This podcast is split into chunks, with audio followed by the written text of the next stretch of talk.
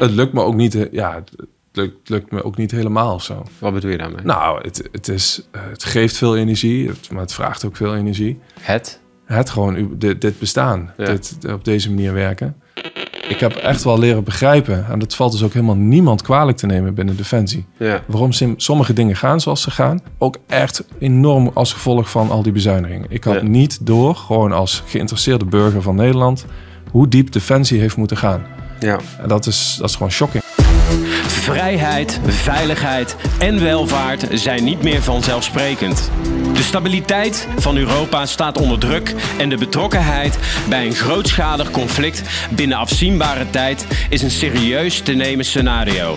Dit vraagt om een effectieve en schaalbare defensieorganisatie in een weerbare maatschappij. Maar hoe kom je nu tot een schaalbare krijgsmacht? Hoe doen we dat zelf? Hoe gaan we samenwerken? In deze podcastserie nemen we jullie mee in de successen en uitdagingen van het realiseren van de schaalbare krijgsmacht.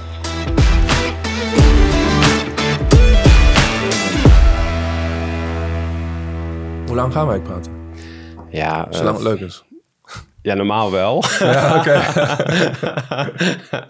maar nu in dit geval... Zet er een eh, klok op. Dan moet het snel leuk worden. Dat kan ook. Ja, ja, dat is goed. Ik denk dat het wel gaat lukken. Zullen we gewoon lekker beginnen? Ja, dat is goed. Ja. Nou, vandaag eh, in de podcast eh, onze staatssecretaris van Defensie. En wat er natuurlijk gebruikelijk is, is om even aan de excellentie te vragen. Nou, dat begint mag al. ik u tutoyeren? Heel graag zelfs. Ja. Ja? Ja. dan hou ik het bij Christophe voor dit interview. Eh, voordat ik ga vragen wat een staatssecretaris precies doet. eh, we hebben een veranderend dreigingsbeeld in de wereld. Ehm, hoe verdeel jij eigenlijk je aandacht tussen al die dossiers die er voorbij komen? Daar ben ik vooral benieuwd naar. Maar voordat ik inga zeg maar, op de eerste vraag, heb ik een kleine verrassing voor jou. Ik hou heel erg van verrassingen. Eh, nee, ik ga niks zeggen. Ik ga het gewoon aan je laten horen. Oké. Komt-ie. Christel en ik kennen elkaar al sinds de tweede klas van de middelbare school. Het was een zorgeloze tijd, met natuurlijk alle puberale uitspattingen die je mag verwachten. Maar Christophe zorgde dat het nooit te ver uit de hand liep. Hij zocht de grenzen op, maar ging eigen- eigenlijk nooit overheen. Hij was toen al super ambitieus, maar dat uitte zich niet altijd in de benodigde schoolresultaten. En toen onze mentor op een gegeven moment zei dat Christophe nooit het VWO zou halen, was dat de rode lap die hij nodig had. En vanaf dat moment kwam ambitie en inzet samen. En die hebben elkaar tot de dag van vandaag nooit meer losgelaten. Ik ben ervan overtuigd dat hij die uitspraak van onze mentor stiekem ergens onder zijn kussen bewaart. Na het eindexamen eh, scheiden onze wegen. Hij ging naar Tilburg en ik naar Amsterdam. Maar altijd hebben we contact gehouden en ervoor gezorgd dat onze vriendschap nooit verwaterde. Ik heb hem meegemaakt, eerst als scholier, student, als ambtenaar, als gedeputeerde en dan nu als staatssecretaris. En het grappige is dat hij in al die levensfasen qua karakter nauwelijks is veranderd. Ik denk dat er maar weinig mensen zijn die zo trouw aan zichzelf zijn als hij. Sommige mensen spelen een andere rol naar gelang het gezelschap wisselt. De ene keer op de voorgrond, de andere keer in de schaduw. De ene keer loyaal, de andere keer venijnig. Maar Christophe speelt altijd zijn eigen rol. Hij zal je nooit laten zitten, nooit een andere kant kiezen of zich anders voordoen. En dat, denk ik, dat is een gave die maar weinig mensen hebben. En ik ben ervan overtuigd dat dat een van de belangrijkste redenen is waardoor hij zover is gekomen. Ja, Stijn. Ja. Ja, ja, zeker. dat is je niet aan zien komen. Nee. Nee. Nee. Wat, wat, wat gebeurt er? Als je dit, dit hoort. Mooie woorden, overigens. Ja, nee, dat ik hem heel dankbaar ben. Want ik weet dat ik ook allerlei andere verhalen had kunnen vertellen die we samen hebben beleefd. Waarvan ik dacht, want die hoeven niet eh, via de eten naar buiten. Ja. Eh, nee, ja, het is hartstikke mooi. Ja. Ja. Ja, het is gewoon heel erg leuk. Eh, Stijn en een paar andere vrienden. We hebben nog een vriendengroepje. een paar jongens van de basisschool en een paar van de middelbare school. Die zijn bij elkaar gekomen. Ja. Ehm, een groepje van zes, inderdaad. We zien, we zien elkaar nog ieder jaar. Eh, meermaals. En dan gaan we een paar dagen tussenuit of sporten. Eh, maar ik vind het mooi dat hij... eh, ja, sowieso een verrassing. En ja, heel tof wat hij zegt. Ja, Ja. absoluut. Je zocht de grenzen op, maar ging er nooit echt overheen. Ja, dat klopt. Ja, Ja. ja. Waar komt dat vandaan? Is dat opvoeding? Is dat... ehm, wat is dat? Ja, ik, dat... Kijk, ehm, Is, dat, is dat een soort gevoel? Ja, ik denk het. Ja, ja ik, ik, er schieten nu allerlei fragmenten uit mijn puberteit eh, door mijn hoofd heen. Kijk, we hadden... Toen ik op de, op de universiteit kwam, toen... toen ehm, in de omgeving daar had ik het idee dat mensen daar hun middelbare schooltijd gingen beleven. Die dan, weet je wel, naar de, bij een studentenvereniging en zo. En daar allerlei uitspattingen hadden. En ik heb die uitspattingen met, de, met hun beleefd op de middelbare school. Ja. Maar dat ging af en toe wel eens tegen het randje aan, inderdaad. Ja. Eh, en ehm, ja, ik weet niet. Ik had dan, ik, ik had dan het gevoel dat, dat moest zeggen, jongens, eh, volgens mij moeten we nu even gaan nadenken. ja. Ja. En als die mentor er niet geweest was? Nou, ik kan het, ik kan het me eigenlijk, dat, dat is me inderdaad twee dingen blijven bij mij hangen, die uitspraak. Want ik heb die zelf niet zo, zo scherp eh, voor ogen. Ja.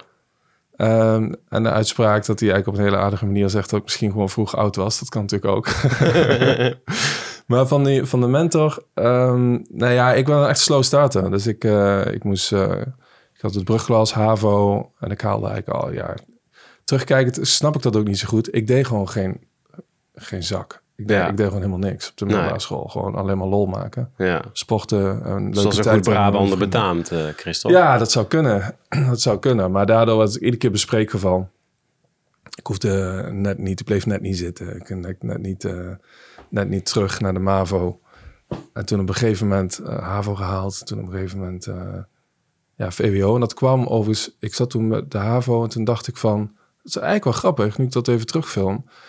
Ik zat toen te denken, vijf HAVO. En ik was ik wel heel sportief. Ik heel veel, heel veel, gewoon heel veel gesport. Ehm, en ik dacht, ik ga de ALO doen, dus het sportacademie. Ja. Het, uiteindelijk niet, omdat ik ook nog het idee had van ja, misschien wil ik daarna wel ook richting KMA. En dan moest je volgens mij moest je VWO hebben. Dat heb ik Ja. uiteindelijk niet gedaan. Het is rechten en bestuurskunde geworden. Dus het is meer, meer een soort van. En ik had het gewoon heel leuk op de middelbare. Een paar andere vrienden gingen ook naar het VWO. Dus ik dacht van nou, dan ga ik daar aan mee. En daar is wel iets ontstaan op een gegeven moment. Toen ik naar de universiteit ging, dacht ik van. Ja, maar dit is de universiteit. Dus nu, nu kom ik er niet meer mee weg. Nu is het wel serieus. Nu moet ik iets gaan doen. Ja. Ehm, en waar ik toen achter kwam, is iedere keer dat ik dacht van ja, maar waar is, nu, waar is dan nu die plek? ehm, ja, waar, waar alle slimme mensen zijn die, die, die precies weten hoe het zit. Ja, die, die plek is er niet. Voel je Eh, jezelf nu die slimme persoon? Nee, nee, Nee? nee, nee. Nee. Ik heb hier wel de op één na hoogste baas eigenlijk van Defensie voor me zitten. Ja, Maar ik, ja, Heel nuchter. ja, maar het is ehm, zei ook voor veel jonge mensen bij Defensie. eh, het, het is niet zo dat er een omgeving is waar alle slimme mensen zitten. Eh, Het is niet zo dat. Want je krijgt, omdat je in een andere rol komt, krijg je ook informatie die je anders niet krijgt. En omdat je die informatie dan kunt gebruiken, kun je er dingen mee doen die daar van je verwacht worden. Ja. En ehm, het gekke is dat ik vond eigenlijk de middelbare school moeilijk, omdat ik woordjes moest stampen, omdat ik wiskundige formules moest maken, eh, waarin het goed of fout was. En daar ben ik minder goed in.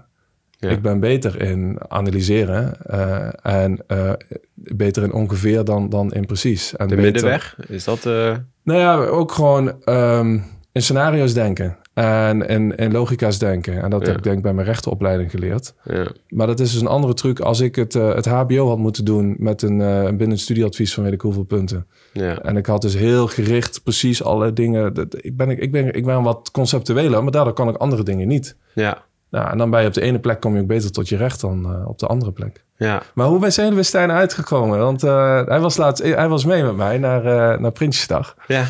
Dus dat was heel erg leuk. Ik weet niet of jullie hem daar ergens gestrikt hebben. Maar het was echt wel eh, een mooie verrassing. Dankjewel daarvoor. Echt, echt heel eh, erg leuk. ik heb zo mijn connecties Ja, na bijna check. 100 podcasts en, eh, en Ja. 18 jaar Defensie.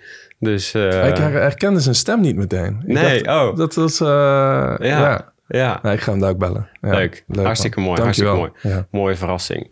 Eh Christophe, wat, wat, doet een, eh, in, in, in twee, drie zinnen een staatssecretaris van Defensie voor alle mensen die luisteren? Eh er luisteren mensen, soldaten, eh, luitenants, overstes. Wat doet een staatssecretaris eigenlijk? Ervoor zorgen dat alle beslissingen, of het nou gaat over het vastgoed, personeel, materieel, de, de, de whole shebang, eigenlijk alle investeringen, eh, dat, ehm, dat die, eh, ik zie mezelf als het koppelstuk Mhm. van alles wat de organisatie daarop doet, eh, richting de Tweede Kamer.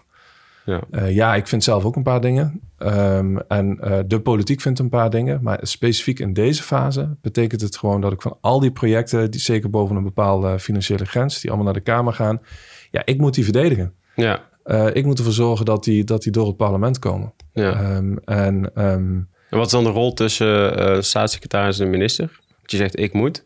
de minister en ik werken in elkaars verlengde. Ja. Ehm, dus Kaisja gaat, eh, de minister gaat echt over, over de inzet. En ik moet ervoor zorgen, als ik het heel simpel maak, dat, dat er een leger ingezet kan worden. ja. Ehm, ja, ik moet ervoor zorgen. Ik ben daar bestuurlijk eh, verantwoordelijk voor. Dat dus gewoon al die dingen die in de maatregelennota, nou dat is zo'n boekwerk waar allerlei projecten in staan. Waar al het geld in projecten staat. ja, afkomstig van eh, de, de, de nota natuurlijk. Ja, van de defensienota. Alles wat daarin staat, alle beloften die, die we doen, alle projecten die zijn opgeleid, ehm, dat die voor elkaar komen. Ja, En dan gaat vervolgens de minister over, over de inzet ervan. Dus eh, nou ja, vandaag eh, of gisteren het bericht dat de Reaper naar Roemenië gaat. Nou, het is mijn project geweest. dit zijn de Reapers die er al waren natuurlijk. Maar Ja. het is mijn project geweest om ervoor te zorgen dat er nieuwe Reapers komen. Die bestelling is gedaan. En de Ja. minister gaat nu over de inzet dat ze inderdaad dat er eentje naar eh, Roemenië gaat. ja.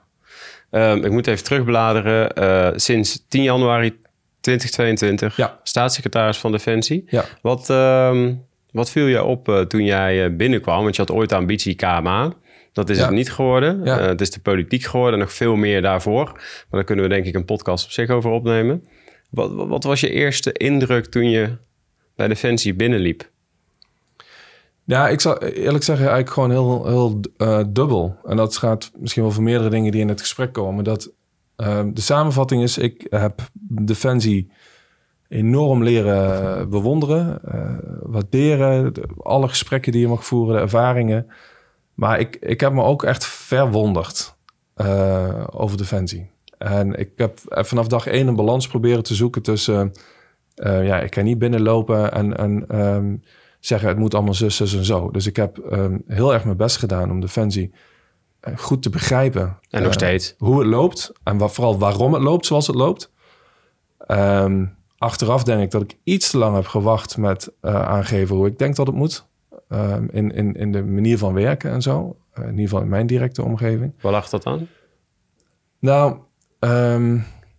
kijk, toen ik binnenkwam was er ook een tijd geen staatssecretaris. Dus mijn voorganger Barbara, eh, die werd toen minister in, t- toen eh, het, kabinet demissionair was. Minister bij INW. Dus is toen ook een tijd geen staatssecretaris geweest, een paar maanden. En toen kwam ik weer binnen. En voor Barbara was er ook een hele tijd geen staatssecretaris. Dus ehm, men moest de, de, de machinerie, zal ik maar zeggen, van al die stukken die op weg naar mijn, naar mijn rol gaan, ja, die moest denk ik weer even ehm, aangescherpt worden over hoe nu een en ander moet lopen. Kijk, Ja. even gewoon heel simpel. Ik, ik, maar dat is allemaal binnenkant. Ehm, ik weet niet of mensen dat boeiend vinden, maar je komt als staatssecretaris binnen. Nou, ga zitten, welkom, dank. Eh, allemaal aardige mensen, eh, allemaal hele mooie verhalen, fantastische werkbezoeken. Maar vervolgens ja, viel mij op in de eerste weken dat het toch wel iedere keer een verrassing was. Eh, wat er dan aan, aan, aan, aan beslissingen voor mij gevraagd werd. Terwijl Ja. ik dacht, ben ik gewoon gewend, ligt een programmering. Ik er op zijn minst wel een, alles wat voorspelbaar is, kun je programmeren. En dat er dan 10, 20 procent onvoorspelbaar is, de, en waar, zwaar, prima. Dus ik zeg, waar, waar is die programmering? Ja, die was er niet echt. Ik zei, ja, weet je, dat soort dingen. Achteraf denk ik van, nou, ik heb daarna, denk ik, anderhalve maand gezegd, ja, dit gaan we toch anders doen. Ehm dat had ik misschien nog eerder moeten doen. Maar dat is voor mij een beetje exemplarisch. Eh, en ik, ik zoek er ook wel iedere keer balans in, want ik heb echt wel leren begrijpen. En dat valt dus ook helemaal niemand kwalijk te nemen binnen Defensie. Waarom sommige dingen gaan zoals ze gaan. Eh, ook echt enorm als gevolg van al die bezuinigingen. Ik had Ja. niet door, gewoon als geïnteresseerde burger van Nederland, hoe diep Defensie heeft moeten gaan. En dat is, dat is gewoon shocking. En dat zie je op allerlei terreinen. En daar, daar hebben we nu ook gewoon nog last van. Dus daar waar we eerst krimppijn hadden, zitten we nu in de groeipijn. Ja. Eh, omdat wij nou, bijvoorbeeld eh, deze weken bezig met de voorbereiding van een groot programma Ruimte voor Defensie. Waarin we ehm, nou, het heel proces wat volgend jaar moet leiden. En hopelijk dat we laagvlieggebieden krijgen. Dat onze mariniers op andere plekken in het land gewoon landoefeningen kunnen doen. Eh, het geluid voor de F-35 eh, enzovoort enzovoort. Eh, Ja. Nieuwe kazernes bouwen. Gewoon voor miljarden aan investeringen. We gaan zo'n, eh, wat is het, eh, meer dan 15 miljard de komende eh, 30 jaar investeren in ons vastgoed. Ja. Alleen we hebben ja, echt gewoon roofbouw gepleegd op de mensen, op de afdelingen die met vergunningen bezig zijn. Ja, Die en dat zit dat helemaal in de, het DNA van de mensen die we de afgelopen, sinds ja, de afgelopen twintig jaar, twee decennia hebben aangenomen. Ja, Kun je eens wat meer woorden geven? Want, want, want een stuk groeipijn, ja. dat vind ik interessant. Eh, kun je eh, hoe, hoe ik zie op LinkedIn, eh, zie ik je regelmatig voorbij komen. Je gaat echt naar de eenheden, naar de mensen toe, naar de man en de vrouw van de organisatie. De burgers, militairen, et cetera. Ehm, eh, ja, hoe voel jij, ervaar jij, hoor jij die groeipijn? Ik denk echt dat ehm, Defensie als gevolg van de bezuinigingen... eh, een organisatie eh, is, is geweest en nu dus in verandering... eh, waarbij, omdat er zo weinig geld was, ieder, ieder dubbeltje omgedraaid moest worden. Dat leidde tot, tot centralisatie. Dus beslissingen die, even plat gezegd, in Den Haag allemaal genomen moesten worden. Tot controle in plaats van vertrouwen. Als je het woord maak een plan, was een, plan maken om bezuinigingen te gaan realiseren. Dus het was altijd minder in plaats van meer. Dat zorgde volgens mij ook voor in een, in een cultuur van samenwerking, ja, waar, waarbij eh, vertrouwen niet eh, het basisprincipe is naar elkaar. Ehm, en ehm, ehm, wat ik merk, ook gewoon in mijn persoonlijke omgeving, als, als er over en weer vertrouwen is, is er zoveel mogelijk. Ja, Eh, en wat mij opvalt, en dat, dat vind ik ook, probeer ik nog steeds, eigenlijk steeds beter te begrijpen. Als ik op werkbezoek ga en ik hoor de verhalen van in het veld en ik laat me vertellen hoe het in het veld gaat, ja, dan, dan, dan, dan zijn die principes er allemaal wel. En ik begrijp niet zo goed waarom, waarom er zo'n verschil zou zijn tussen de, de manier van werken in het veld en als het vervolgens over onze eigen organisatie gaat. en stel dat je het wel zou weten. Als je even aan het sporten Nou, ik denk dat we daar nu aan het eh, ehm, dat we nu aan het toekomen zijn om, om daar ook gewoon de beslissingen op te nemen. Dus we blijven heel hard duwen. Er is ook niemand die dit wil. Er is niemand die zegt van ik vind het fijn om in een stroperige organisatie te werken. Waarbij ik heel veel stempels moet halen voordat er een beslissing wordt genomen. Ja. Alleen je moet ook de mensen hebben vervolgens weer om dan die processen opnieuw uit te lijnen. En tegelijkertijd is iedereen knijterdruk bezig met Oekraïne. Is iedereen druk bezig met, met überhaupt gewoon het, het herstelvermogen. En dat werkt op elkaar in ook nog. Ik bedoel, Ja. Dat zie je nu bij Commit. Alle, en bij heel veel onderdelen. Eh, iedere inkoper die voor Oekraïne bezig is, kan niet de inkoper zijn die bezig is met het uitvoeren van de defensienota.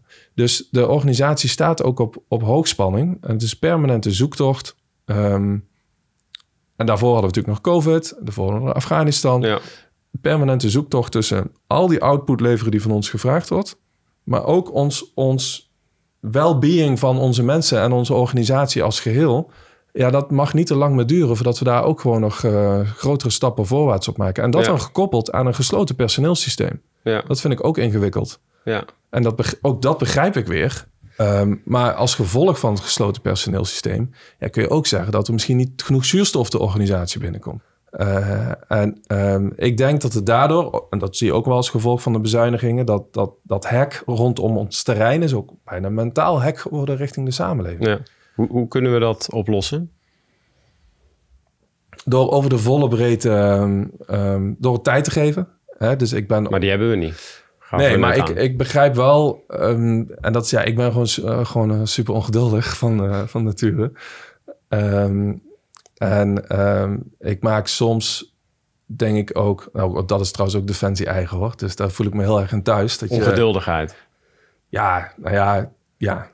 En probeer realistisch in te schatten hoe lang iets redelijkerwijs mag duren. Ja. Nou, ik heb genoeg voorbeelden dat, dat ehm, de defensieorganisatie bedacht van... nou, dit kan inderdaad wel eh, over drie maanden klaar zijn. En dan vraag ik, weten we het zeker? Want Ja. ja. we kunnen één keer opschrijven wanneer we denken dat het klaar is. Ja. Ja, nee, over drie maanden. Ja, zes maanden later was het nog niet klaar, weet je. Dus, ja, eh, dan is niet, dat, dus dan is niet het probleem dat het over zes maanden klaar is. Het probleem is dat we niet goed inschatten dat het over zes maanden klaar is. Ja. En dan organiseren we onze eigen teleurstelling. En hoe is dat, Dat voor de mensen om jou heen, jouw ongeduldigheid? Ja, zou je hen moeten vragen, maar ik, ik probeer het onder controle te houden. Ja, eh, Oké. ja. Ja. Ik heb een fantastisch team eh om me heen. Ja. Mensen die allemaal supergoed zijn en die ik 100% vertrouw. En ik geef hen ondertiteling in hoe ik denk dat ik in elkaar zit. Ja. Eh, dus een aantal mensen weten, weten wel van mij. Ik denk mijn eigen tekortkomingen wel redelijk te kennen. Of in ieder geval een aantal ervan. En uh, dus ik, het, mijn bestuursadviseur, mijn, mijn politiek adviseur, mijn secretariaat. Ja, uh, ja ik zeg tegen hen, je kunt me helpen ja. door me daar en daarop aanspreken als je dit type gedrag ziet. Ja, Ja. en dat, dat doen ze gelukkig ook. Ja. dat doen ze inderdaad. En ehm, Hebt u niet meer verrassingen nog? of ik heb nog een verrassing voor Oh, je. Neem een lekker slokje. Ja, dank je. Christophe is een fijn mens en leidinggevende om mee te werken. Eh, het is iemand met humor, is eh, scherp in zijn analyses. En ondanks de volle agenda en zijn drukke werkzaamheden blijft hij aandacht houden voor zijn team. Hij kan mensen heel goed in hun kracht zetten, zodat ze naast functionele ook persoonlijke groei door kunnen maken. En dat maakt werken voor en met hem een bijzondere ervaring. Christophe is in mijn ogen een hele goede bestuurder en een hele fijne baas. Hij geeft zijn mensen, en in ieder geval mij, eh, het gevoel dat ze ertoe doen en er vertrouwen eh, in hun eigen kunnen. Hij gaat eh, moeilijke en strategische beslissingen niet uit de weg.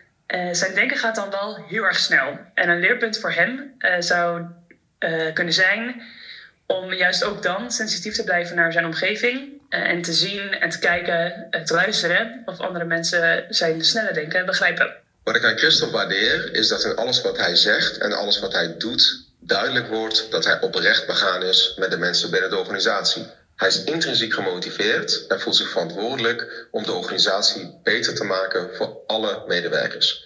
Hij staat voor zijn mensen met een hele duidelijke visie en onderbouwt altijd heel goed waarom bepaalde veranderingen noodzakelijk zijn. Hij staat achter zijn mensen door ze te steunen en ze vertrouwen te geven. En tot slot staat hij naast zijn mensen om daar waar nodig vanuit zijn rol en positie te helpen om het verschil te maken. Dit maakt dat het heel prettig is om voor en met Christophe te mogen werken. Christophe is een hele fijne baas die zijn mensen enorm veel vertrouwen geeft. Wat ik echt een talent vind, is zijn visie en drive om dingen beter te maken. Daarin zat bij Defensie als enorme en soms hiërarchische organisatie ook een leerpunt. Als de staatssecretaris een goed idee oppert in een brainstorm, kan het zomaar zo zijn dat er tientallen mensen gaan rennen om dat uit te voeren. Nou, ik heb het dus aan je team gevraagd, Ja, eh, Christophe. nou, wel leuk, ja. Herken je je hierin? Ehm, De perfecte leidinggevende hoor ik eigenlijk bijna, eh, ja, ik weet niet wat, eh, wat de uitzending niet heeft gehaald, maar eh, om het gezellig te houden. Eh, nee, maar het, het is... ehm, ik heb zelf in mijn, in mijn eh, loopbaan eh, gewoon veel kansen gekregen van ehm, leidinggevenden die het lef hadden om op jonge leeftijd eh, vertrouwen in mij te hebben. Ja. Hoe jong ben jij nu eigenlijk? Ik, ben, nou, ik ben nu inmiddels gewoon op middelbare leeftijd. ik ben 42. 42, oké. Ja. Nou, hartstikke jong. Ja. Ja. En, en dat heb ik altijd gewoon enorm gewaardeerd. En ik, ik wil dat ook naar mijn omgeving doen. Ehm, en ik ben ook gewoon een, eh, ja, hoe zeg je dat? Een, eh, ik geloof heel erg in ontplooiing en, en, eh, van mensen. Dus als je, er gaat, ja, toch weer terug naar de middelbare school. Gewoon heel simpel. Ik haalde slechte cijfers omdat, omdat ik er geen zin in had. En als je mensen dingen laat doen die ze leuk vinden, dan gaat er uit zichzelf zoveel goed. Ja. En eh, ook als je datgene geeft aan een ander, wat je ook van, van hen of haar hoopt te verwachten, maar ja, allemaal basics. Het is allemaal niet zo ingewikkeld hoor. Ehm, in een organisatie werken. Als iedereen gewoon lekker een beetje normaal doet. eh, en, en vanuit het positieve redeneert. Ja. En, en dan gaat er gewoon uit zichzelf eh, heel erg veel goed. Ja. En als je dat aan anderen... En, maar daarom vind ik wel ook, als we naar de defensieorganisatie kijken... Ja, carrièrepaden, zijn toch gewoon eigenlijk gewoon te lang. En, ehm, En daardoor ook duur. Nou ja, ik vraag me af... Of, En demotiverend soms. ik denk, als je naar de uitstroomcijfers kijkt... Het is nu weer ongeveer net, nou ja, wat zal het zijn? 100 mensen minder uitstroom. Of positief gezegd, 100 mensen meer instroom dan uitstroom. Echt de allerlaatste cijfers. Het is natuurlijk gewoon niet goed genoeg. En als je dan naar de uitstroomcijfers kijkt... eh, en de exit-onderzoeken... de manier waarop de organisatie wordt aangestuurd... Ja. Dat, Ja. dat is toch gewoon... Dat hebben we zelf in de hand. Ja. Eh, werk-privé combineren. En, en, en dat, daar hebben we gewoon nog heel veel eh, stappen te zetten. Ja. En ehm, ja, ook de manier waarop de organisatie wordt aangestuurd. Het is gewoon echt te stoofpijperig. Anne, ik kan het allemaal verklaren. Maar ja, nu ik de verklaring heb, voel ik Ja. wel ook ongeduld om, om, daar, om daar harder op te het. gaan. Permanente ontwikkeling, eh, carrièrepaden ontwikkelen. En, en ja, niet, dat is ook taalgebruik, waar ik heel erg aan moest wellen, Ja. wennen. Vullen. Ja, hoezo vullen? Ja. Weet je, wij hebben in een arbeidsmarkt zitten wij waarin de afhankelijkheid gewoon super groot is.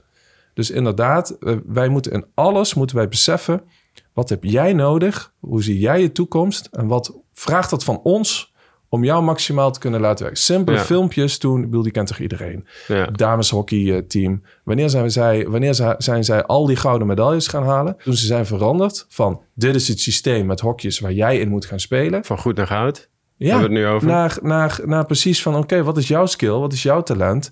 En met die talenten ga ik een team bouwen wat maxi- maximaal kan presteren. Ja, ja. Ja, en die filosofie, die moeten wij volgens mij nog veel meer, eh, veel meer uitdragen. Ja, en dit zijn dan de woorden van de staatssecretaris.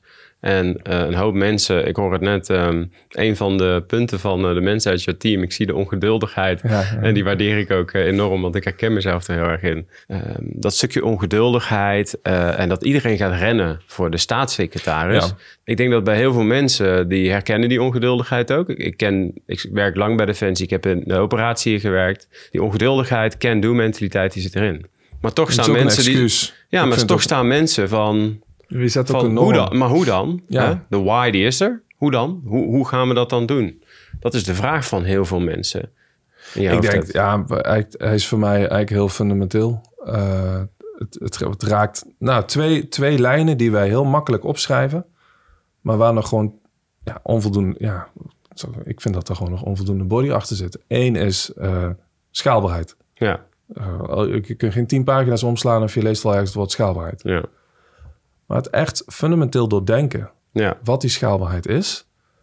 Ehm, gelet op het toekomstig optreden. Gelet op eh, de NAVO-afspraken die ook naar de toekomst toe gemaakt moeten worden. Gegarandeerde inzetbaarheid die we moeten leveren. ja, De arbeidsmarkt waar we, waar we in zitten. De technologische ontwikkelingen die op ons afkomen. eh, bedreiging in het veld, maar ook enorme kans voor de manier waarop onze krijgsmacht gaan doorontwikkelen. Ja, dat betekent schaalbaarheid. Betekent voor mij dat je in essentie alle eenheden van Defensie opnieuw moet gaan doordenken over hoe je die zou gaan organiseren. ja, Eh, vanuit, vanuit eh, het toekomstperspectief. En dan ga je dus, dan ga je dan, wat, wat is het te verwachten optreden? Alleen of joint? Ehm, wat zal dan in alle scenario's eh, met, met ehm, eh, 100% beroepsmilitairen gedaan moeten worden? Wat kun je doen met reservisten? Wat kun je laten doen door het bedrijfsleven? Wat Ja. kun je, enzovoort, enzovoort. En dan snap ik heel vaak, stopt de discussie dan. Ja, maar reservist, er is nog niet die rode knop of die Ja. groene knop. Ja. Nee, nee, dan moeten we die gaan regelen. ja. Of er is regelgeving die het niet toelaat om Ja, dat eh, Maar te we blijven bewerkstelligen. nog in, die, in zo'n fundamentele ehm, eh, opgave als die schaalbaarheid, waar ik heel erg in geloof. Waardoor ik ook denk dat er veel meer verschillende smaken gaan komen om mee te doen. Eh, waardoor je het ook, ook wel aantrekkelijker maakt. Het is niet zozeer dat je bij Defensie alleen maar mag werken als je 40 jaar tekent, toch? Ik bedoel, als je drie jaar meedoet, zijn we ook blij. En Ja. dan ga je weer ergens anders en dan kom je weer terug. Dat soort paden mogelijk maken. Maar er hoort wel ook een goed doordachte strategie van die schaalbaarheid achter te zitten. En een plan, want dit duurt drie, nee, nee, langer nog. Dit duurt vijf tot zeven jaar om zoiets in te voeren. Hetzelfde, innovatie. Onze, ik vind dat wij nog best wel wat stappen voorwaarts mogen zetten om ehm, die schaalbare innovatieve krijgsmacht, nou ja, ja, ja, bla bla Ja. bla. Wat hebben we daarvoor nodig? Maar wat zit daar dan achter? Ja, Nou, het budget is er wel. Ik vind dat we nog veel meer werk moeten maken. Alle facetten van onze organisatie om innovatie een plek te geven. Ja. Ook omdat die, die schaalbare krijgsmacht natuurlijk weer gaat raken. Ook omdat innovatie ons ook heel erg in, in staat kan stellen... door nog veel meer met de buitenwereld te gaan doen.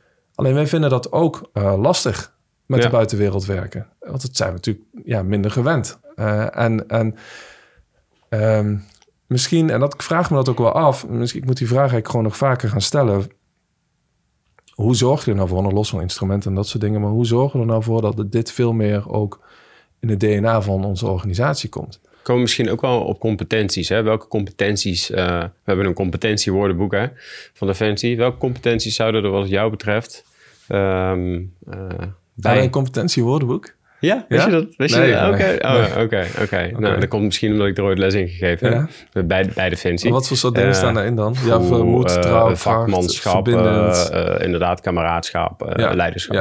Ja. Die kreten. eh, ik heb een paar andere kreten, maar dat is misschien ook omdat ik ondernemer ernaast ben in een start-up die naar een scale-up toe moet. Dat is ook Ja. schalen.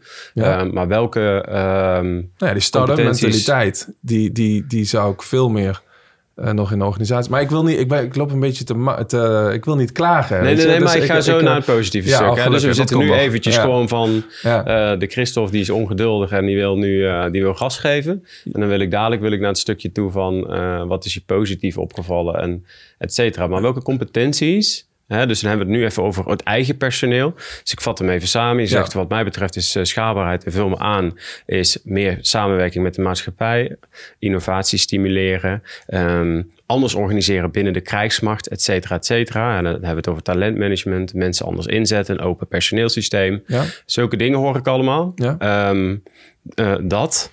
En wat was mijn vraag nou, Christophe? Welke, welke, ehm, Welke eh, competenties? competenties heb je nodig? Ja, en Precies, mijn, mijn punt zit... Ik bedoel, je moet mij niet gaan vragen welke competenties... Ja, dan ga ik na praten wat er in dat boek staat in het veld. Maar mijn, mijn, mijn punt is, en dat zie ik ook even helemaal wat staatssecretaris... Ik, natuurlijk de bestuurlijke rol... maar ook gewoon wel bestuurskundig... en nou ja, ook wel verantwoordelijkheden in andere organisaties eh, gehad ik, ik, ik maak me gewoon zorgen over de ontwikkeling van onze organisatie als geheel. Dus je moet mij niet vragen in het veld, weet je, daar heb ik helemaal niet voor doorgeleerd. Fantastische verhalen, super mooi. Maar ik wil dat er meer aandacht komt naar het well-being van, van eh, onze organisatie en het verandervermogen in onze organisatie. Dat is Ja. mijn punt. Ja. En dan hoort daar, nou ja, vind ik, ehm, doen wat nodig is. Eh, eh, vertrouwen geven. Ehm, en dat zit in simpele dingen. Ehm, Ja. als, alleen ik twijfel in hoeverre ik me ermee moet bemoeien.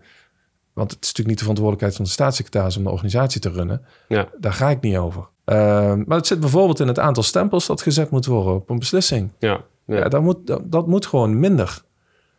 Ehm, en dan gaat het sneller. Dus daar meer lijnen. vertrouwen op geven. Ja, die budgetten eh, decentraal. Ja, is het nu geregeld, ja of nee?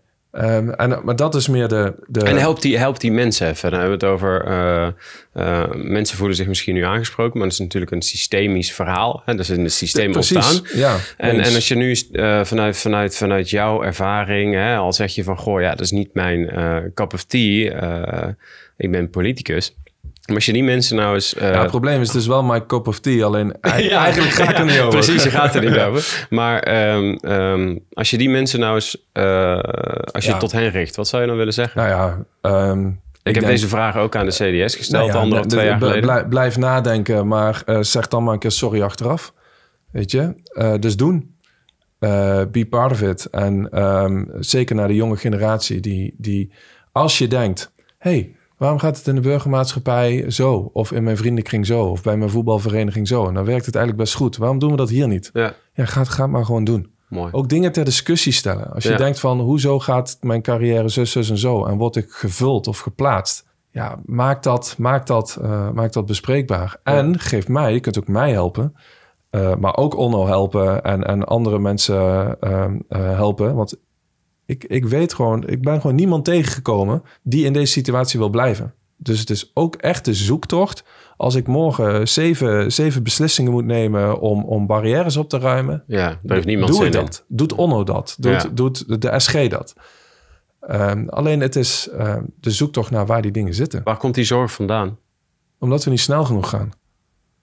Ehm, eh, twee dingen. Ik, ik denk één, het grootste opgave is gewoon de vulling.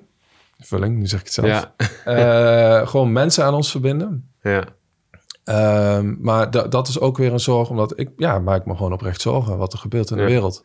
Voordat ik staatssecretaris werd, eh, is de een van mijn ehm, eind-COVID. Ik had voor mezelf beslissing genomen dat ik niet nog een keer gedeputeerde wilde worden. ja. En dacht van, nou, dan ga ik iets anders doen. Eh dan raakte in gesprek bij VVD van, komt een nieuwe club aan. Toen, eh, een van mijn, mijn motivaties om, om eh, rol in het kabinet... en ik had eh, Defensie aangegeven en een andere plek aangegeven... kwam eigenlijk voort uit alles wat ik las rondom COVID. En die prik, prikstraat, prikstrategie en dat soort dingen. En ik zat daar wat analyses over te lezen. En ik Ja. dacht van... Shit, ik, ik woon in Nederland. Het, het is niet alsof we niet hadden kunnen bedenken dat er ooit een keer een pandemie zou komen, toch? Ik bedoel, Ja. waar zijn die draaiboeken? Waarom hebben we deze discussies? En ik ehm, heb regelmatig het gevoel dat ik denk, stel dat binnen x jaar en ehm, ik ben door mijn werk bij Defensie ben ik echt gaan voelen dat het gewoon een, een mogelijkheid is. Dat dat ook gewoon hier de pleuris uitbreekt. Dan ehm, wil, ik, wil ik gewoon maximaal gedaan hebben wat ik kon doen vanuit mijn rol. Om ervoor te zorgen dat we de fout uit het verleden herstel, hersteld hebben. En dat we er klaar voor zijn. Eh, en daar komt mijn ongeduld uit. En dan zie ik de mogelijkheden die er zijn. Ja. Eh, en die zien heel veel mensen. Ja. En ik merk dat we onszelf nog niet maximaal, het is een beetje help yourself, nog niet maximaal onszelf helpen om uh, sterker te worden. En dan zie ik aan de ene kant die enorme technologische ontwikkeling op ons afkomen. Aan de andere kant zie ik zoveel andere moderne manieren om onszelf te organiseren. En die kansen die moeten we grijpen. En daardoor wordt het werk aantrekkelijker. En ontstaat er flow. Er Ja. is nu onvoldoende flow nog. Het is trekken, het is sleuren. En ik zie gewoon, en dat is ja, ook mijn eigen team... op het moment dat het lukt om meer los te laten... en meer vertrouwen te geven... en dan moeten we dus ook op een andere manier gaan sturen... dan, dan, dan kunnen we nog veel harder gaan. Ja, dan Ja. gaan er af en toe dingen fout. Nou, dan leggen Kajsje en ik dat wel uit. Eh, eh, maar dat is nog altijd beter... omdat je daardoor al die andere dingen casht die goed gaan uit zichzelf. Ja. Dus je nodigt mensen ook uit om eigenlijk eh, de grenzen van regelgeving op te zoeken. Dat hoor ik hier. Ja, en nog meer ook de regelgeving aan te passen... Ja. zodat het beter gaat werken voor ons. Mooi. Stevige woorden. En ook niet mooi tegelijkertijd. Ja, en dat is... ehm, ja, we zeiden vooraf... eh, ik ga gewoon echt zeggen wat ik, wat ik ervaar en wat ik vind. Ehm, en het met ongeduld zit er omdat ik voel dat het... Dat, eh, ik, ja, echt, ik vind het zo... Ik, heb, ik vind het zo knap. Ik heb zoveel waardering over wat, wat er uit de organisatie... wat we met deze organisatie al voor elkaar krijgen. Ja, ja, ja. En de organisatie zijn we zelf. Maar in dit, in, dit, in dit huis van regels en hoe het allemaal is geregeld, waar decennia geen geld voor was, is natuurlijk bizar om te zien eh, ehm, nou, wat, wat, er, wat er uitgepusht wordt. Precies. Fantastisch. Laten we even die Ehm, afdraai maken naar dat positieve. Ja, want, want, want, want, want ik heb echt bijna honderd mensen in deze podcast gehad. Die, ik heb zelf een paar competenties opgeschreven. Die, en die komen dus overeen met het verhaal wat je net zei. Een stuk leren loslaten. Hè? Eh, dingen Ja. die niet werken, daarmee stoppen. Want dat hebben we ook de neiging om dingen vast te houden. Een stuk ondernemerschap. Bezig zijn met de bedoeling. Hè? En daar bedoel Ja. ik ook Ja, mee eh, ehm, dat jij zegt: Ik maak me zorgen over de, eh, wat er in de wereld speelt. Eh, ehm, en nieuwsgierigheid en een stuk Ja. autonomie. Hè? Dat, dat waren dingen die ik opgeschreven had.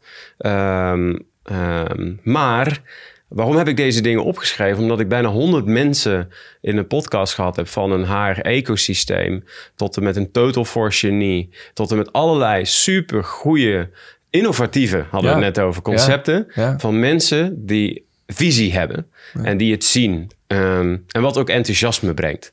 Ehm, eh, dus eh, ja, inderdaad, eh, wat je zelf zegt, Christophe. het zit er, het potentieel zit er. Ehm, heb je daar zelf nog voorbeelden van? Van dingen dat je echt denkt van... hé, hey, daar moeten we gas op geven. Want dit, zijn echt, dit is echt wel wat Defensie ook weer onderscheidt. Want we willen ook een werkgever zijn...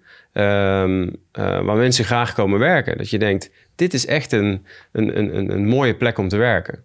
Wat zou dan jouw pitch zijn? Het zijn Mijn trouwens pitch? wel meerdere vragen, ja, ik merk inderdaad.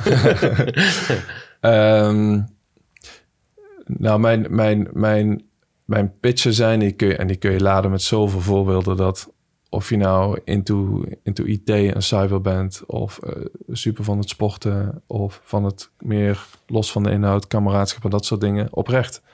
Ik denk dat, dat Defensie eh, in alle, alle scenario's van je, van je persoonlijke ontwikkeling, daar, zo zie ik het ook, mijn bijdrage nu. Weet je, dat is gewoon een levenservaring. Het is, niet, het geen, het is geen werk. Het, is, het gaat veel verder dan dat. En dat gevoel, ja, ik, ik denk dat er geen, geen vergelijk op staat dat je dat, dat je dat elders ook zou, zo zou kunnen halen of eh, beter zou kunnen halen. Dus in alle opzichten is Defensie een onvergetelijke ervaring, denk ik, en een, een investering in, in je persoonlijke ontwikkeling. Heb je een, een, En- een voorbeeld van, van een collega? eh, van een verhaal wat je misschien wel eens anderen vertelt? Dat je denkt Ja. van ja, Nou, vooral de, op jonge leeftijd. Een van mijn eerste werkbezoeken in eh, eh, Assen was het. Ehm, jonge, jonge kerel, ja, mid twintig of zo. En ehm, ze namen mee in een, eh, ehm, bij de dertiende was dat.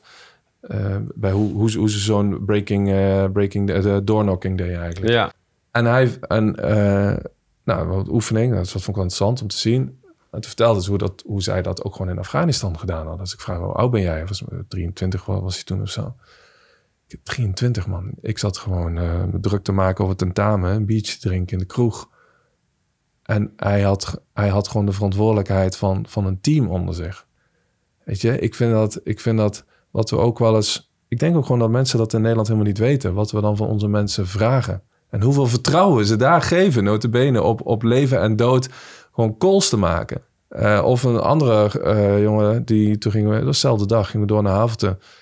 Wat was die, 22 of zo, die in 97 daarover. Ja, hallo.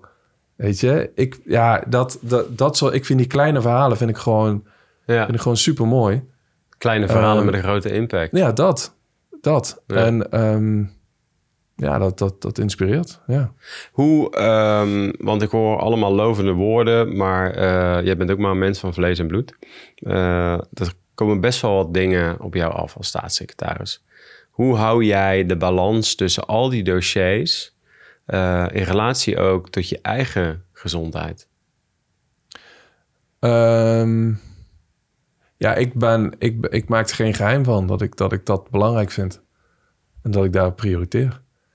Dus, Hoe doe je dat? Want Ja, gewoon zeggen ik kom niet eh, als, als het niet nodig is. Dus ik, heb, eh, ik ben gelukkig getrouwd en, eh, en ik heb een, een klein mannetje van, van 6,5. Ehm en eh, ja, dat betekent dat ik op woensdagmiddag middag inderdaad er alles aan doe om met hem naar judo of nu naar het voetbal te gaan. En ik vind dat als je. Maar het is moeilijk, want er is, je, je kunt, er zijn altijd wel afspraken en er zijn altijd wel wat dingen te doen. Ehm, maar ik probeer daar dus gewoon wel. Ik, eh, nou, dat probeer ik niet alleen, dat doe ik gewoon. heb je daar manieren voor? Want je zegt aan de ene kant, eh, Ja, ik ben was- on- ongeduldig. Hè? Je, ik ben ongeduldig en ik wil gas geven. Ja, Ehm, ja maar ik weet ook dat. ehm, en daarom, ja, iedereen doet het op zijn eigen manier. Maar Het is ook ter inspiratie hè, van de mensen waar zoveel druk op staat. Hè? Dus Ja. geef ze die woorden hè, die ze Maar nodig hebben. Kijk, mijn, het risico bij mij is dat. ehm, kijk, ik kan overal opvattingen over ontwikkelen en overal denken, ik ga meehelpen. Maar naarmate je, dat zeg, ja, ik zie het ook als van die basics. Naarmate ik meer ga doen waar een ander eigenlijk verantwoordelijk voor is, dan gaat die ander denken, ja, van de maat zal het wel doen. Dus ik probeer ook, en ik heb, ik heb bij een aantal dossiers ben ik veel te diep in het dossier gegaan. Dat is ook altijd balans zoeken tussen, ik wil weten waar het over gaat, maar ik moet niet het werk gaan overnemen. Dus het is voortdurend ook sensoren van ehm, hoe diep moet ik in de materie zitten. En ik weet dat ja, in die end mijn rol als staatssecretaris in, beg- in beginsel moet ik gewoon kunnen besturen. En niet Ja. een organisatie sturen.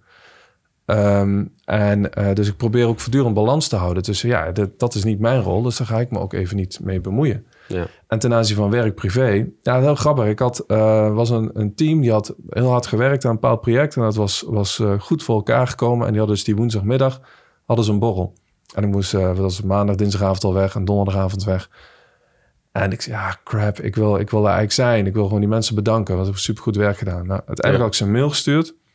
Sorry, maar ik, ik ben er niet bij. En ja, want ik ben eh, bij de judo-training van mijn zoontje. Ehm, en het grappige was, dat daarna heb ik volgens mij drie reacties eh, gekregen Ja. van mensen die zeiden: wat, wat fijn dat, dat, u, Ja. dat u dat gewoon zo zegt. En hoeveel mensen stonden er in de mail? Eh, een stuk of 15, 20 of zo, denk ik. Oké. En, eh, want ik, ik heb zelf ook, en ik begrijp het volledig. En wel fijn dat u dat gewoon zo zegt. dat u kiest even voor, voor uw gezin. Want ja, dat Ja. herkennen we. Dus dacht ik, oh ja, heel mooi. Dank wel voor die, voor die reactie weer. Maar dat zette me wel aan het denken van... jeetje, dat, dat toon at de top. Ja, weet je, dat ben je dan zelf. Maar dat, dat zit dus blijkbaar ook in dat soort dingen. Ja. En gewoon, ja, ook hier gewoon normaal doen. Ja. Ehm, want dat, ja, iedereen speelt gewoon zijn rol. En het maakt niet uit welke rol je hebt. Ja. Eh, uiteindelijk doet iedereen gewoon zijn best. Dus je zegt prioriteren enerzijds. Hè? Nee zeggen. Ja. Ehm, wat nog meer? Wat, wat doe je nog meer om in eh, balans te blijven? Ik probeer te sporten. Ik weet niet of je niet normaal zien, maar ik probeer af en, toe nog te, af, af en toe nog te bewegen. Ja, ik heb het ja. ge- geluk met een redelijke stofwisseling, dus dat gaat op zich wel goed. Eh, maar nee, het, het, is, ehm, het lukt me ook niet. Ja, het lukt, lukt me ook niet helemaal of zo. Nee. Wat bedoel je daarmee? Nou, het, het, is, eh, het geeft veel energie, het- maar het vraagt ook veel energie. Het? Het gewoon, dit bestaan, Ja. dit, op deze manier werken. Eh, nou, een fantastisch team, dus zonder dat team zou het ook niet kunnen. Maar het is niet... ehm, en het komt ook door wat er gebeurt nu in de wereld... en wat er van Defensie gevraagd wordt... wat van al onze mensen gevraagd wordt... maar ook van, ook van de minister en ook van mij. Je wordt er ingezogen en eigenlijk... de werkbezoeken inspireren mij... daar ga ik weer anders door nadenken. Maar eigenlijk zou ik nog meer moeten sporten. Eigenlijk zou je af en toe gewoon nog een paar dagen... eventjes afstand kunnen nemen Ja. Omdat van mij ook de rol wordt gevraagd om van buiten naar binnen te denken, om eh, ehm, ook even los te kunnen komen van de materie. Maar we zitten met z'n allen wel zo diep en zo iedere keer. Alles is belangrijk en urgent. Ja. Terwijl Uitzoomen ik meer ik op, eigenlijk. op, op eh, belangrijk niet urgent zou moeten zitten. Ja, en, ja. en heel af en toe wel op belangrijk en urgent, omdat politiek enzovoort, omdat het opspeelt. Ah, interessant. Ja. Ehm, en, en dat, ehm, ja, het, het lukt redelijk goed, maar het, zou te mooi zijn. We proberen gewoon een open gesprek met elkaar Ja. te hebben. Dat, nee, dat, dat lukt ook niet altijd. Nee. Komen we hier nu ook weer terug bij de bedoeling? Want op het moment dat, eh, ik vertaal hem even naar uitzoomen. Eh, als je uitzoomt, eh, vertragen is versnellen. Dat zijn allemaal kreten die in me opkomen. Ehm, waardoor je de bedoeling, waar we het voor doen, Ja. ehm, weer beter gaat zien. Ten einde die systeemwereld kleiner te maken. Ja. Het is heel makkelijk en- gezegd dit ja, overigens, nou, het, maar- het is voor mij, ehm, en dat doe ik ook altijd met eh, bestuursadviseurs en met Alicia, mijn politiek adviseur. We hebben nu bijvoorbeeld eh kabinetgevallen, demissionair. Dus het is, Ja, gaat iedere keer, ik redeneer vanuit, van ik weet nu, want we hebben die programmering, eh, jee. Dus ik weet wat, wat er aankomt. ja, Dus ik weet ook, kan daar, daar verdeel ik ook mijn tijd op. Van, Ja. nou, dat is, daar, daar, daar moet ik mijn tijd. Maar dat komt uit de organisatie zelf. Mhm, mhm.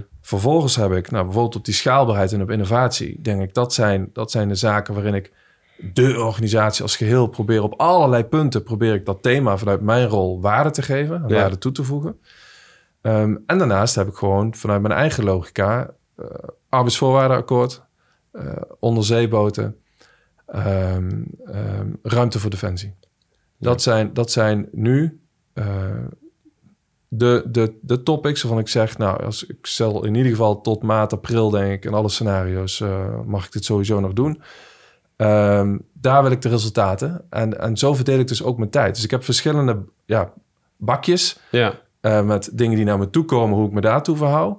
Daarom vind ik die programmering ook zo belangrijk. Daarom heb ik ook zo hard geïnterveneerd op. Ik, die programmering zal en moet komen. Ik heb Ja. het proces helemaal gestandaardiseerd. Daar ben ik ook vrij dogmatisch in. Want anders werkt het niet. Ehm, en ik heb mijn eigen prio's. Eh, Ja. En vervolgens ehm, ja, een, een team om me heen... wat ik gewoon 100% vertrouw... Die, waar we ook van elkaar weten... ja, dat, hoe we goed met, met de tijdsverdeling kunnen omgaan. ja. Hoe gaat Christophe om met het niet weten? Nou ja, best wel, eh, best wel prima, denk ik. Ja. Althans, als ze hetzelfde mee, eh, mee bedoelen. Het klinkt... eh, Nee, nee, ja, weet je waar het vandaan komt? Maar ik wilde eigenlijk het een beetje... Maar jij bent ook vrij open. Ik had hier van de week een aantal mensen van CLSK in de podcast... en die zeiden, we moeten een, ehm, eh, een faalquotum eh, opstellen. En falen is dan misschien niet het goede woord... maar eh, dat het, dat het hè, een quotum waarbij eh, we fouten mogen maken. Hè? Want als je fouten mag maken, eh, dan Ja. groei je. Ehm, nou, ik zou eerder willen zeggen, zeg, zeg zoals het echt zit. Kijk, waar ik... ehm, in de afgelopen twee jaar heb ik gewoon wel te veel voorbeelden gezien... waarbij ik denk van ja, had gewoon gezegd, ik weet het niet. ja. Ja, dat, is ook wat ik een, bedoel. Dat is ook een antwoord. Dat is- dat is wat ik ja, maar dat is niet falen, weet je. Dat Ja. is gewoon, ik weet het niet. Ja, maar dus misschien de angst om het te zeggen. Ja, maar is- come on, weet je. En dat is dan misschien mijn probleem. Eh, ja, eh, excellentie, staatssecretaris, weet je, dat grote respect voor hoe het, hoe het Ja. hier gaat in de defensieorganisatie. Maar ehm, iedereen heeft gewoon zijn rol te spelen en zijn bijdrage. En het maakt niet uit hoeveel sterren je hebt of whatever. Je komt je expertise brengen. En als jij denkt, eh, en als jou een vraag wordt gesteld en je weet het niet, zeg alsjeblieft, ik weet het niet, in plaats van volgend jaar november. Want, want dat, blijkt, dat blijkt dan vervolgens niet zo te zijn. En zo organiseren we onze teleurstellingen. Maar een cultuur waarin je ook gewoon kunt zeggen, ja, ik weet het niet. Ja, Dat vind ik meer ownership eh, uitdragen en meer eh, autonomie eh, laten zien. Als, als dat, er, dat, dat er dan gewoon nee Ja. zeggen tegen de staatssecretaris. Ja. Ja. nou, en omdat, heel graag. Puntje, Ja, maar we zijn puntje. allemaal generalisten, Christophe.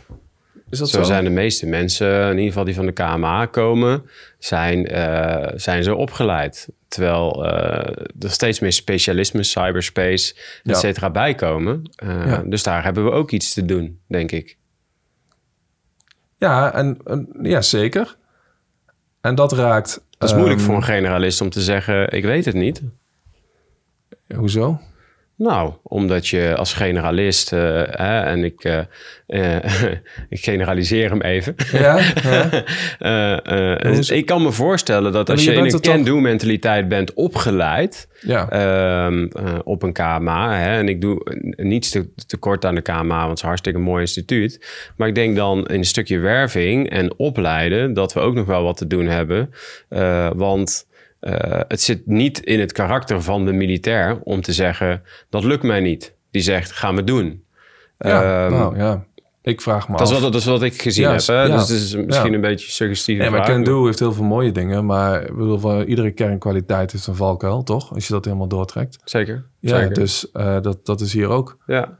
En ehm, wat, wat ehm, het is een beetje ook van, het is natuurlijk ook de, de standaardvraag naar een minister of staatssecretaris. eh, als je zelf geen militair bent geweest, kun je dat dan überhaupt wel doen? Ja. Ja, er zijn heel veel dingen die wij niet kunnen. Ja. Die we vooral ook niet moeten doen. Maar Ja. één ding kunnen we wel, dat is die verbinding naar de politiek. En, als je, en, en ook nog wel nadenken hoe, hoe een organisatie bestuurd en aangestuurd moet worden. Ja. Maar militair advies is, is er niet voor niks. Dat is, dat is vanuit de militaire logica. En de generalistische leidinggevende, ja, die is heel erg goed als hij erin slaagt om de expertise op de juiste plek eh, eh, zijn waarde te laten hebben. ja, precies. En, en dan niet ineens gaan doen alsof je het zelf allemaal weet. Dat zou gewoon heel raar zijn. Ja. Eh, dus ja, weet je, dat, en als dat op die manier met elkaar schuift, volgens mij heb je dan juist. Ja. En dat die expertise ook gewaardeerd wordt Ja. en gezien Ja, wordt. ja. En nogmaals, ik generaliseer, hè, collega's. Hè? Ja. dus laat het even duidelijk zijn. Ehm, we gaan langzaam richting het einde. Stel, ehm, eh, ja, wat ik me trouwens afvroeg, en dat is in relatie tot deze laatste, eh, ene laatste vraag. Wat doet het eigenlijk eh, om demissionair te zijn? Heeft dat invloed op je manier van leiding geven, überhaupt? Want ik zie hier iemand zitten die gewoon gas aan het geven is Ja. en die denkt, ja, ehm, Ja, ja ik, heb, voor zijn, ik heb ook wel een aantal. Het is ook een beetje op die vraag van hoe ga je met ehm, onzekerheid of of de wat zei je? De, die onzekerheid. ja, met het even eh, niet weten. De, niet weten om.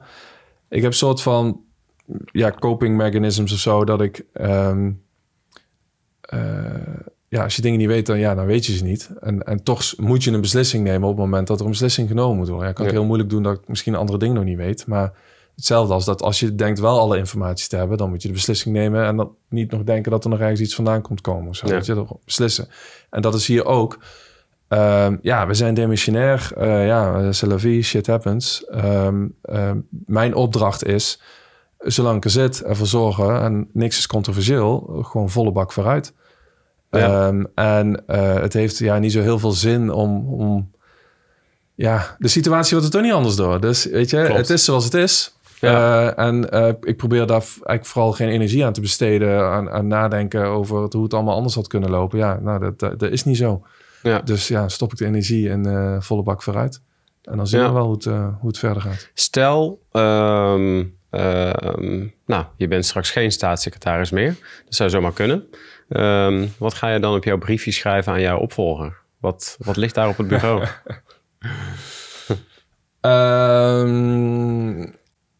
Enjoy the ride. En als het in het Engels zou zijn, het, het- geniet, geniet, geniet, van, eh, geniet van de periode die, eh, die voor je ligt.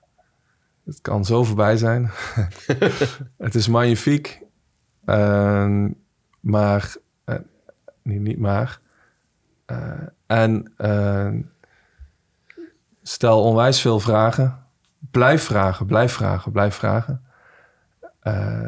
En vertrouw op je intuïtie. Mooi. Stel dat jij dit eh, interview, deze podcast, samen zou moeten vatten in je eigen woorden.